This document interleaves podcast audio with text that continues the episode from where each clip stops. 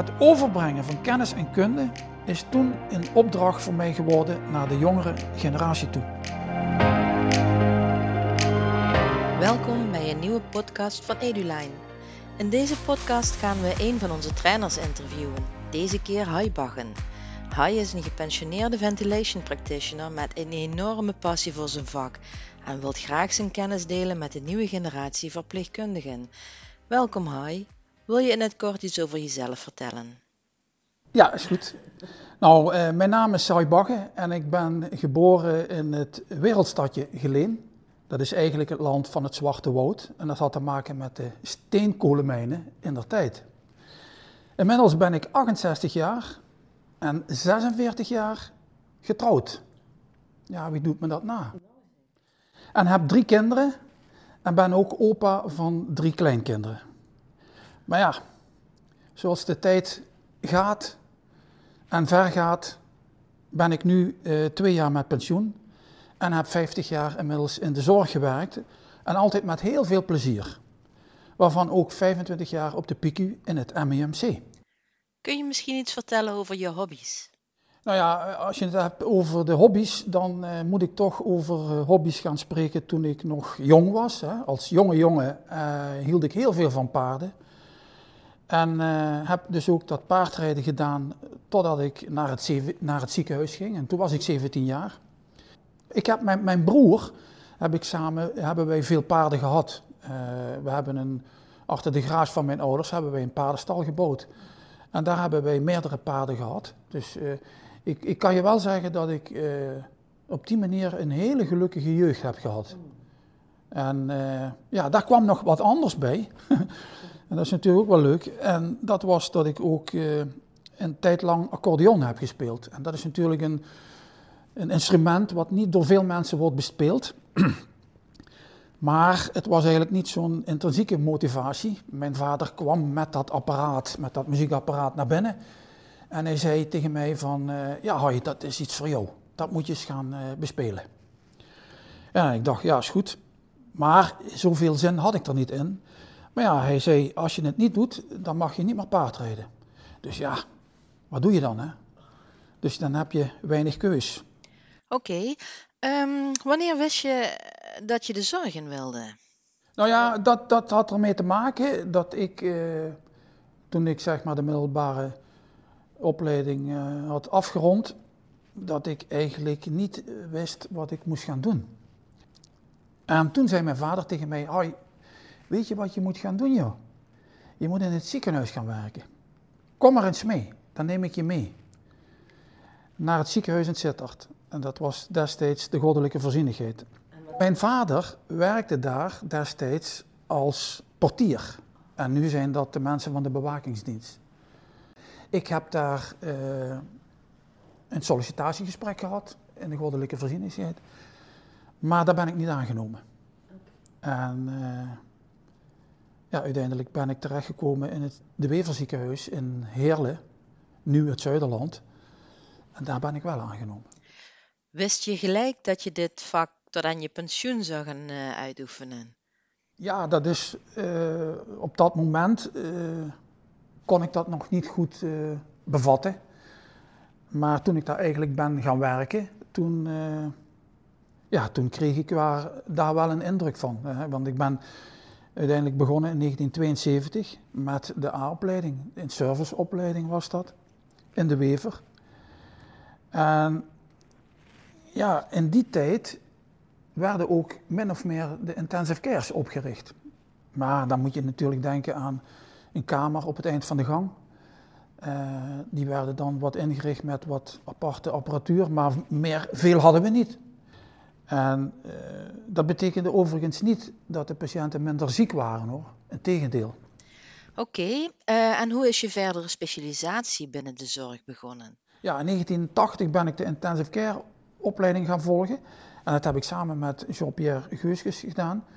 Met hem ben ik toen samen cum laude geslaagd voor deze intensive care opleiding. Niet dat dat zo heel veel zegt, maar ik vond het uh, om naar mijn vader toe te laten zien dat ik ook best goed kon leren, eh, vond ik dat wel leuk dat ik cum geslaagd was. Want eh, ja, op de middelbare school was hij heel streng naar mij als ik eh, geen goede rapportcijfers haalde. Nou, eh, vervolgens ben ik toen eh, ook gaan stage lopen op de AIC. Dat was de Algemene Intensive Care binnen het Weverziekenhuis. En daar werkte toen de anesthesioloog en hoofd van de Algemene Intensive Care, Maurice Jansen. En deze man die heette mij welkom in, zo zei hij dat destijds, in de empirische speeltuin van artsen en verpleegkundigen. Ik wist op dat moment helemaal niet goed wat hij daarmee bedoelde. En tijdens die stage was dat natuurlijk mijn eerste ervaring met intensive care geneeskunde.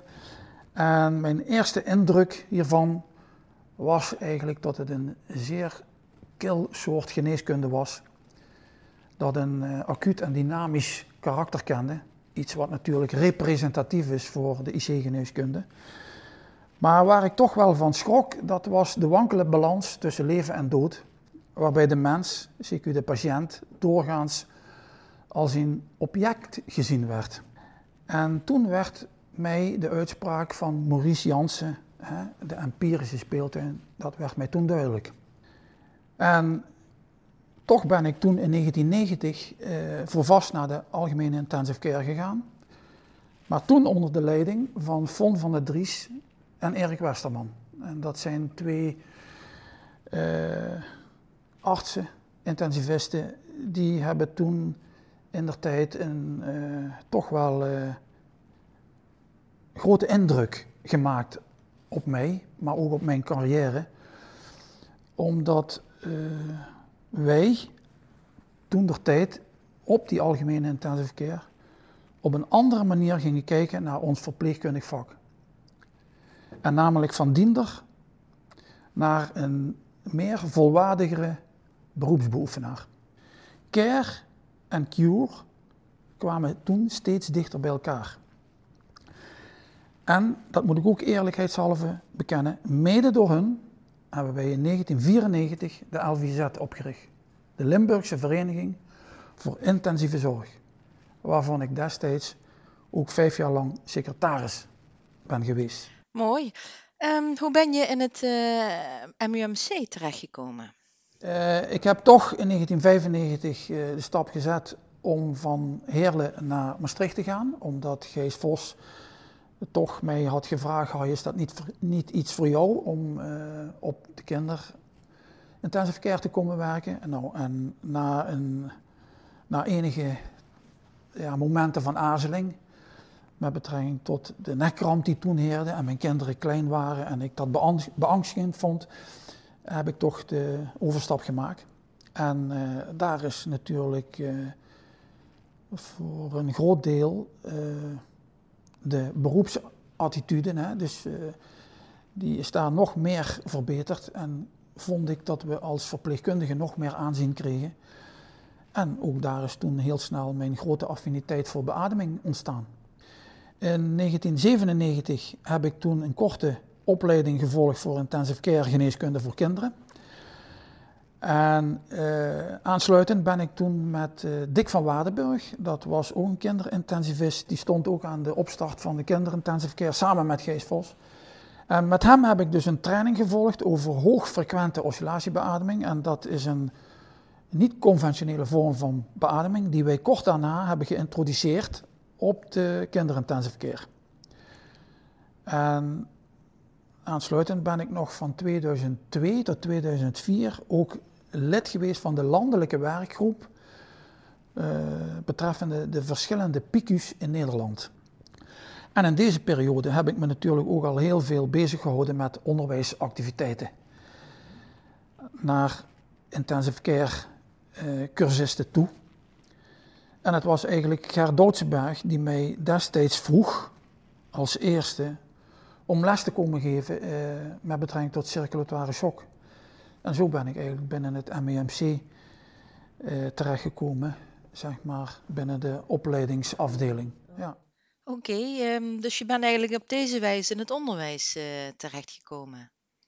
Daarna heb ik dus meerdere lessen gaan verzorgen, omdat uh, meerdere cursusleiders uh, waaronder Rai, me daarvoor hebben gevraagd. En ja, dan moet je toch denken aan een stukje lesgeven op het gebied van nierfunctie vervangende therapie, waar ik destijds ook een opleiding voor heb gevolgd.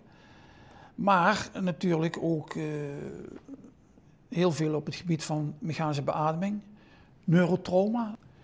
En natuurlijk alles over de opvang van het uh, acuut zieke kind. Aansluitend ben ik natuurlijk ook uh, in aanraking gekomen met Gerjan, met betrekking tot het klinisch redeneren. En dat heb ik ook in verschillende ziekenhuizen in de regio gedaan. Maar wat ik natuurlijk in die fase ook heel erg belangrijk vond, dat was vooral de liefde van het vak bij de aankomende professionals aan te leren. En dat betekent dat je voor je vak moet staan als belangenbehartiger met een bepaalde verantwoordelijkheidsbesef voor de patiënt vanuit een verworven vakbekwaamheid. En dat is iets wat ik me altijd heb voorgenomen om dat over te dragen. En in die tijd begon natuurlijk ook uh, de lessen met uh, intercollegiale toetsing, scenario training, bedside teaching.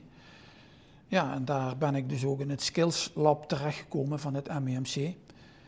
Eh, echt opgeleid, zoals Rai, met betrekking tot een onderwijsdocent, ben ik eigenlijk niet. Ik ben voor een aantal, aantal zaken een grote autodidact. En dat betekent dat ik veel kennis heb verkregen door, door zelfstudie. Maar mijn ervaring daarentegen, met betrekking tot onderwijs, die was zeer ruim. Bijna meer dan 20 jaar. Oké, okay, um, ehm, je hebt je op een gegeven moment verder gespecialiseerd als ventilation practitioner. Um, hoe is dat zo gekomen? Ik heb, ik heb natuurlijk een grote affiniteit gaan opbouwen, met name op de kinderintensive verkeer betreffende mechanische beademing. En in 2004 ben ik toen begonnen aan de opleiding Ventilation Practitioner. En die werd toen destijds gegeven door Hans Sloot. Hans Sloot gaf mij op het einde van mijn studie het volgende mee. Hij, zei hij tegen mij, de hand van de vlijtige zal uiteindelijk overheersen. En dat heb ik me zeer te harte genomen. En heb mezelf toen de opdracht gesteld, als een soort mission possible, om een kwaliteitsverbetering binnen de PICU betreffende mechanische beademing te gaan realiseren. En daar ben ik redelijk in geslaagd, mag ik wel zeggen. En ik heb ook uh, voor elkaar gekregen dat uh, ik collega's uh, een deskundigheidsbevordering kon aanleren aangaande beademing. En ik heb me daarbij nooit opgesteld als de primus inter pares. Dat is iemand die tussen de verpleegkunde en de intensivist staat.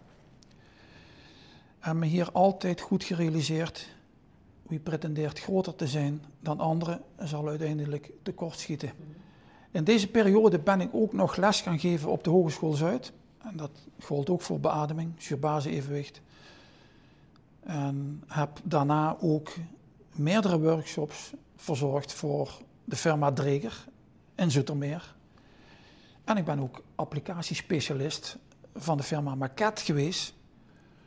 En kortdurend ook voor de Sensormedics, de hoogfrequente oscillatieventilator. En daar moest ik steeds dus uh, instructies geven over beademingsmachines. Goh, hoe heb je dit eigenlijk allemaal kunnen combineren met je fulltime uh, baan? Dit ging allemaal naast het gewone uh, fulltime functioneren op de kinderinc. Dus en daardoor kwam ik dus ook vaak uh, in aanraking met symposia's die ik hielp mee organiseren en waar ik dus ook frequent heb gesproken. Ik heb zelfs een symposium georganiseerd betreffende beademing in zijn algemeenheid samen met collega VP'er Serge Heines. Oké, okay, en hoe ben je bij Eduline terechtgekomen? In 2009 ben ik bij Roy van der Hof terechtgekomen, bij Eduline dus zeg maar, als trainer, instructor eh, aangaande de PEP-cursus in het kader van het opvangen van kritiek zieke kinderen en gewonde kinderen. Een cursus die zich toen der tijd ook snel heeft uitgebreid naar volwassen patiënten. En ik denk dat ik goed de progressie van deze PEP-cursus uh, in der tijd door de jaren heen goed heb kunnen volgen. Van hoe wij destijds begonnen zijn en waar wij nu staan, met betrekking tot een zeer professionele, hoogwaardige opleidingscursus. En in dit opzicht heeft dat natuurlijk ook alles te maken met de liefde voor het vak, die Rijn natuurlijk puur zang ook bezit. Ik vond het dus ook een hele eer om steeds te mogen meedenken in de opzet van verschillende trainingen. En ook het bedrijf Edeline is enorm gegroeid. Als ik denk aan welke ziekenhuizen in de regio en andere instanties. En dan moet je denken aan Adelante, Kempenhagen, de GGD, Jong Nederland. Maar ook de penitentiaire inrichtingen en defensie, waar we nu allemaal training geven. Hoe ervaar jij het, uh, Hai, om je kennis en kunde over te kunnen dragen? Toen ik Rai leerde kennen, uh, heb ik heel veel mogen bijleren op het gebied van onderwijs. Mede natuurlijk door Rai als onderwijsspecialist. En in het bijzonder het simulatieonderwijs. En veel kennis hebben wij hieromtrent gedeeld aan de hand van dialogen die we telkens hadden als we onderweg waren uh, naar een training in de regio. En dan blijkt dat we beide denkers zijn met een sterk filosofische inslag en een sterke hang naar verdieping. Oké, okay. ehm, is er nog iets uh, wat je is bijgebleven um, tijdens je werkzaamheden op de PICU? Op de PICU heb ik heel veel geleerd met betrekking tot end-of-life care. Hierbij is meer nodig, veel meer nodig dan kennis en kunde. Zoals op gepaste momenten de taal der stilte verstaan. Bedenk altijd dat ouders die hun kind verliezen, alleen achterblijven, vol verdriet en pijn vanwege een ondraaglijk verlies het enorm zwaar hebben. En hier kun je je dan niet met een enkel gebaar van afmaken. Rouwende ouders hebben behoefte aan een veelheid van gebaren, omdat naderhand leeg pas echt leeg wordt. En dat heeft op de PICU altijd de volle aandacht gehad. En, en dat is iets waarvoor ik de PICU een groot compliment bij deze wil maken. En dat tracht ik ook cursisten mee te geven op het moment dat het gaat over de intensieve zorg van kinderen. Want als er een kind verloren gaat, gaat er in feite veel meer verloren. En ook wij kunnen ooit met deze pijn te maken krijgen. Mm Um, ga je onderhoud je op dit moment nog uh, contacten, uh, bijvoorbeeld via social media? Wat dat betreft ben ik een, uh, een, een digibeet. Ik, ik heb helemaal niks met deze techniek. Maar ik realiseer me wel dat, het, dat de wereld op vandaag niet meer zonder deze techniek kan. En ja, doordat ik dus uh, regelmatig op kantoor ben bij RAI, ben ik dus ook op een gegeven moment met LinkedIn in contact gekomen.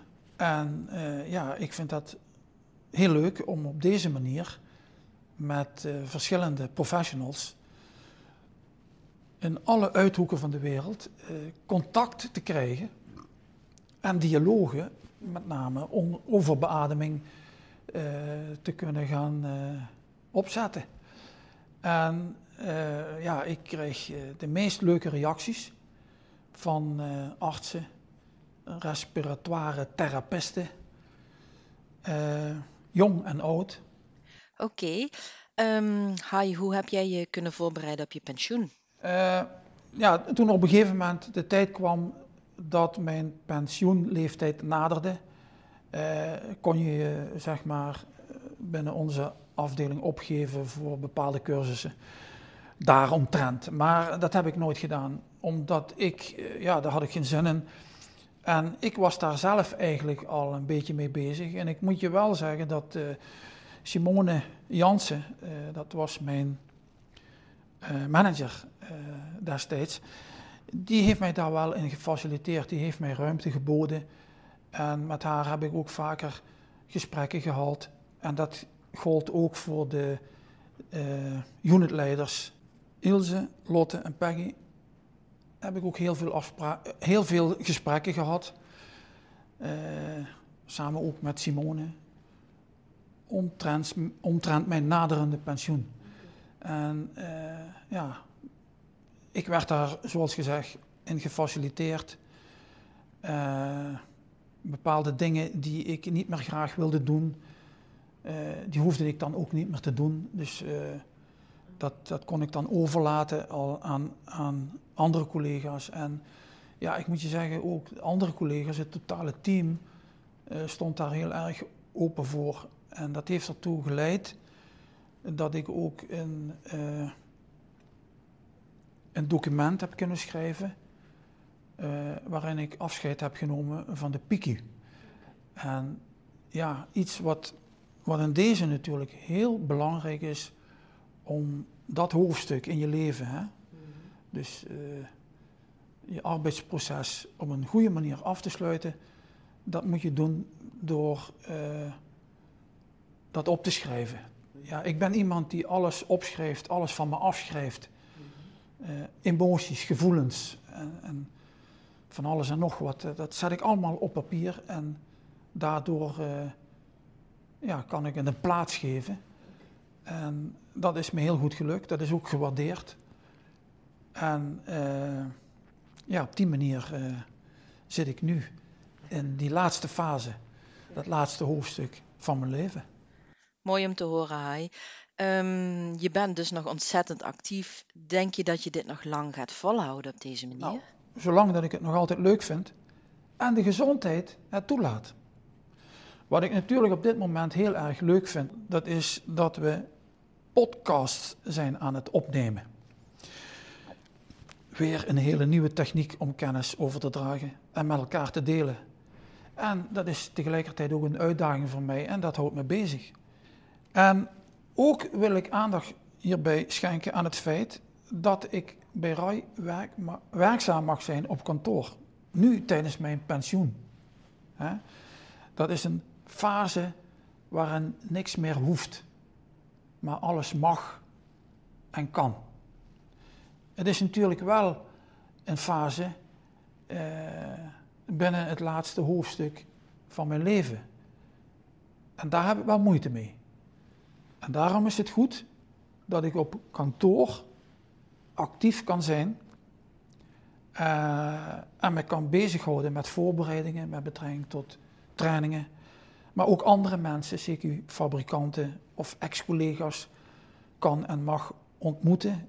Nu ook in relatie met uh, mechanische beademing, airway management, maar ook simulatie, training en, en anderszins onderwijs. En dat vind ik echt top. En daar wil ik jou extra voor bedanken, Roy. En hierbij zou ik dan de legendarische kernachtige uitspraak van Winston Churchill willen gebruiken. En die is als volgt: Succes is not final. Failure is not fatal. It's the courage to continue during life. And that's what really matters. Nice. Hi, dankjewel voor je tijd en je openheid. We hebben denk ik een goed beeld kunnen vormen over jou en je passie voor het vak.